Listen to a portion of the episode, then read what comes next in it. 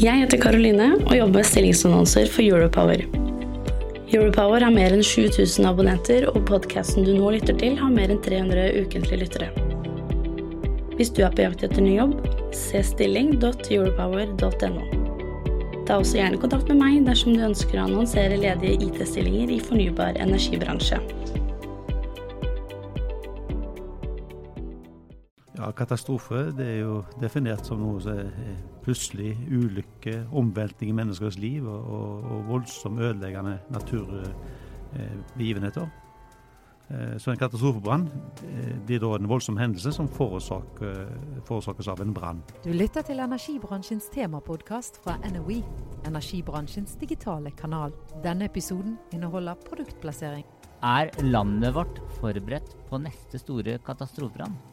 Jeg heter Skjul Kristian Aamodt. Jeg er administrerende direktør i Enery, energibransjens digitale kanal. Og med meg i studio i dag så har jeg Jan Hanto fra eh, FireEater og Håkon Winterseth fra FireSafe. Sendingen presenteres av Brannsikkerhetskonferansen, som arrangeres den 22. og 23. mai.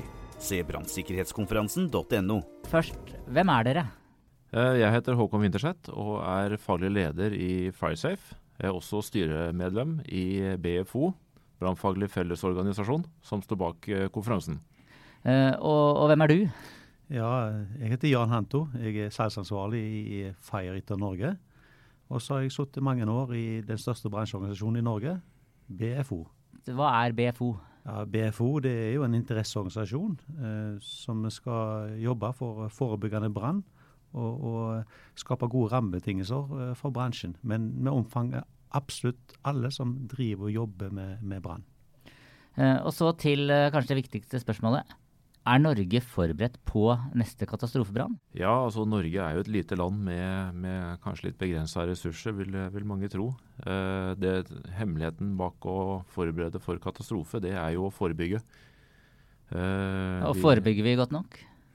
Ja, altså vi, vi, har jo kommet langt på vei, men, men det er klart, uh, som på andre, en del andre områder, så har vi, har vi også her uh, ganske mye å gå på.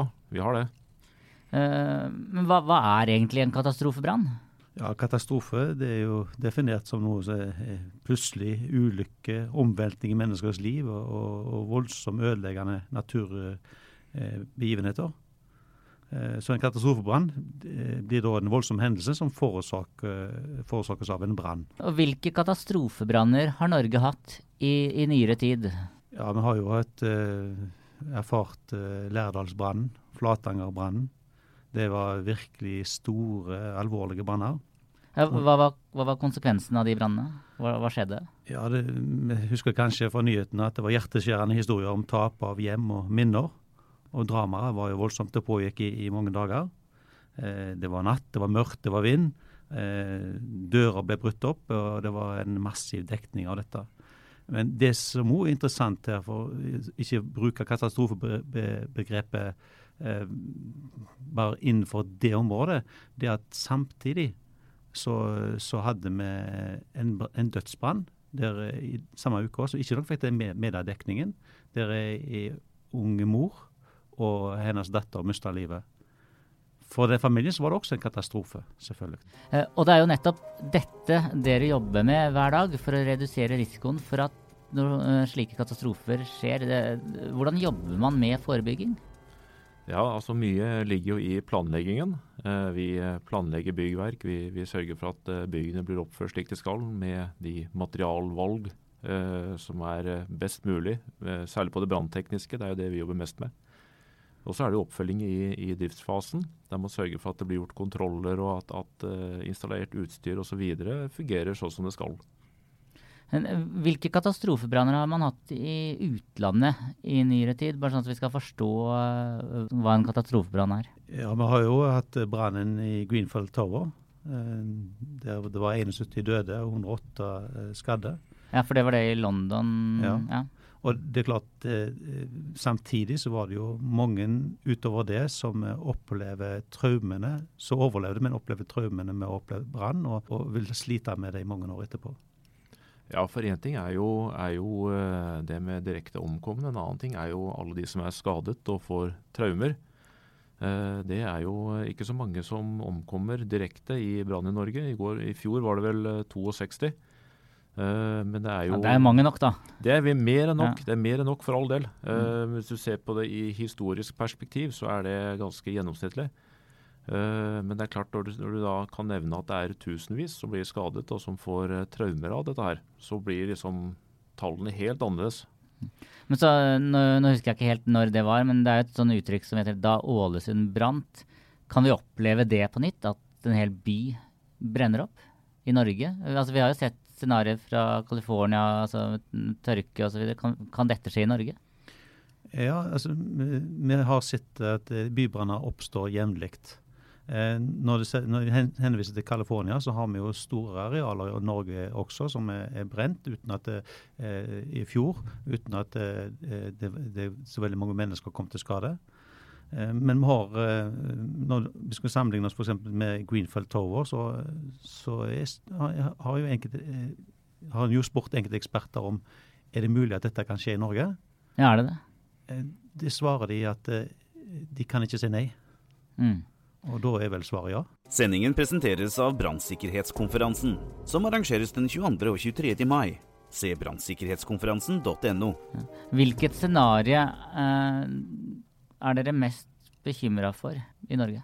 Ja, så Det som er med, med Ålesund brant, altså da var det jo veldig mange småbygg. I dag så bygger vi jo større, høyere, bredere. Vi bygger i, i nye materialer osv. Vi har plast på, på steder vi ikke har hatt før. Uh, så det er klart at en eh, Grenfell Tower-type brann uh, er vel noe av det man frykter eh, mest. Jeg- Nå sitter jo vi i Oslo sentrum. Det er noen steinkast unna så har vi Barcode, som det heter, like ved Oslo S. Eh, der har jeg hørt at når de har eh, brannøvelser der og stenger heisen, så tar det over ti minutter å gå ned trappene hvis du er fra toppen. Da er du egentlig tapt. Hvis det begynner å brenne Du kommer deg ikke ut uten å gå trappene da.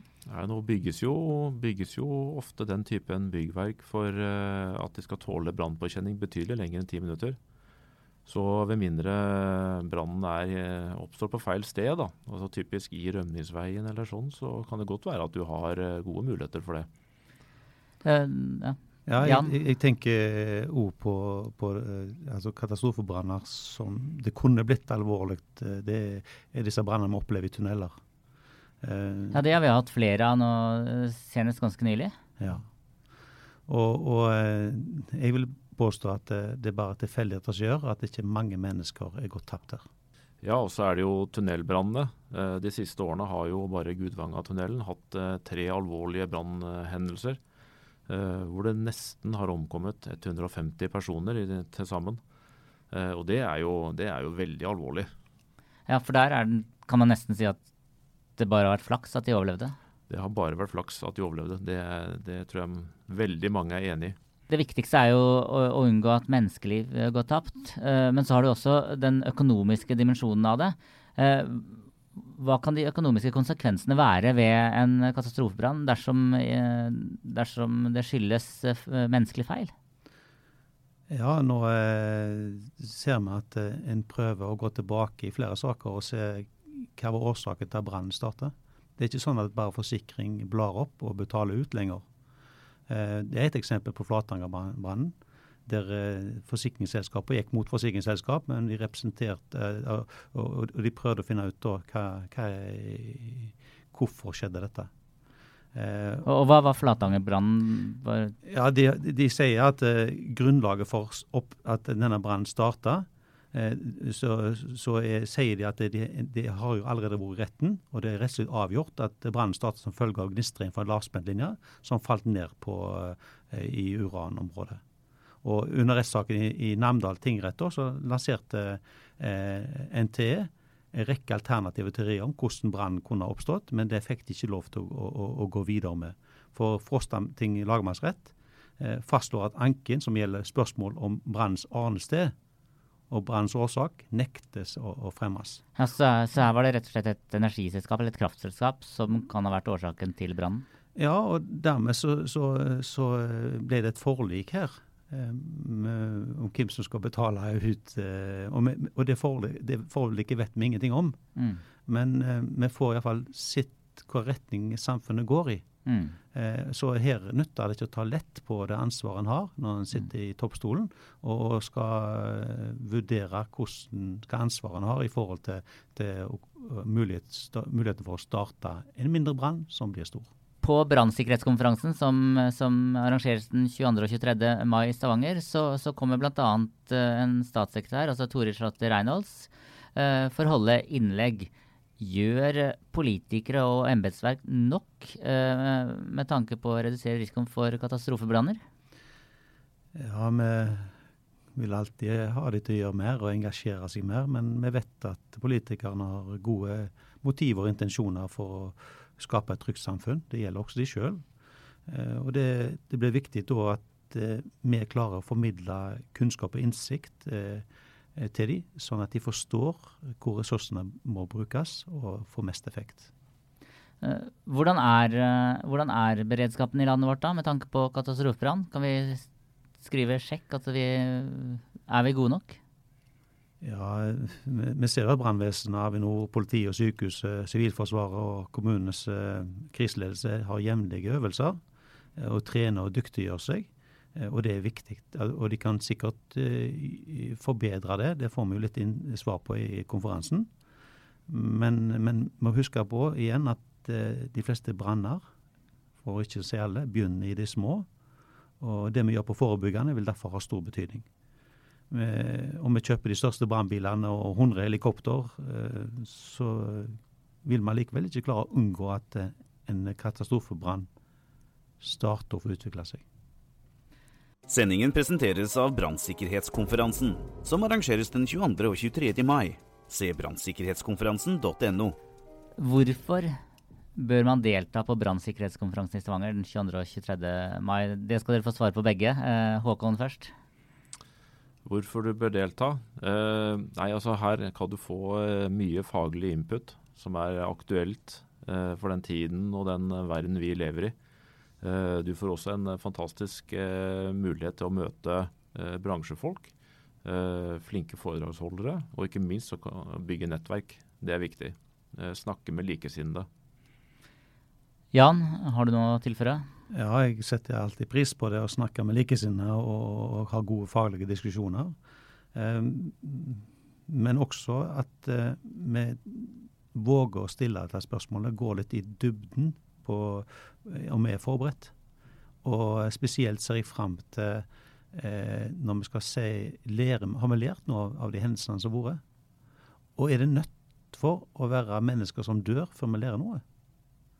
Vi vet at i, i um, offshorenæringen så lærer de av små hendelser. Så trengte egentlig Flatanger-brannen eller Lærdal-brannen å bli så stor? Eh, hvis den, de brannene hadde, hadde blitt slukka i, ganske tidlig fase, eh, så tror jeg ikke vi, vi hadde hatt noen lærdom fra det. Og det er uholdbart. Mm. Du har nå lyttet til energibransjens temapodkast fra NOE, energibransjens digitale kanal.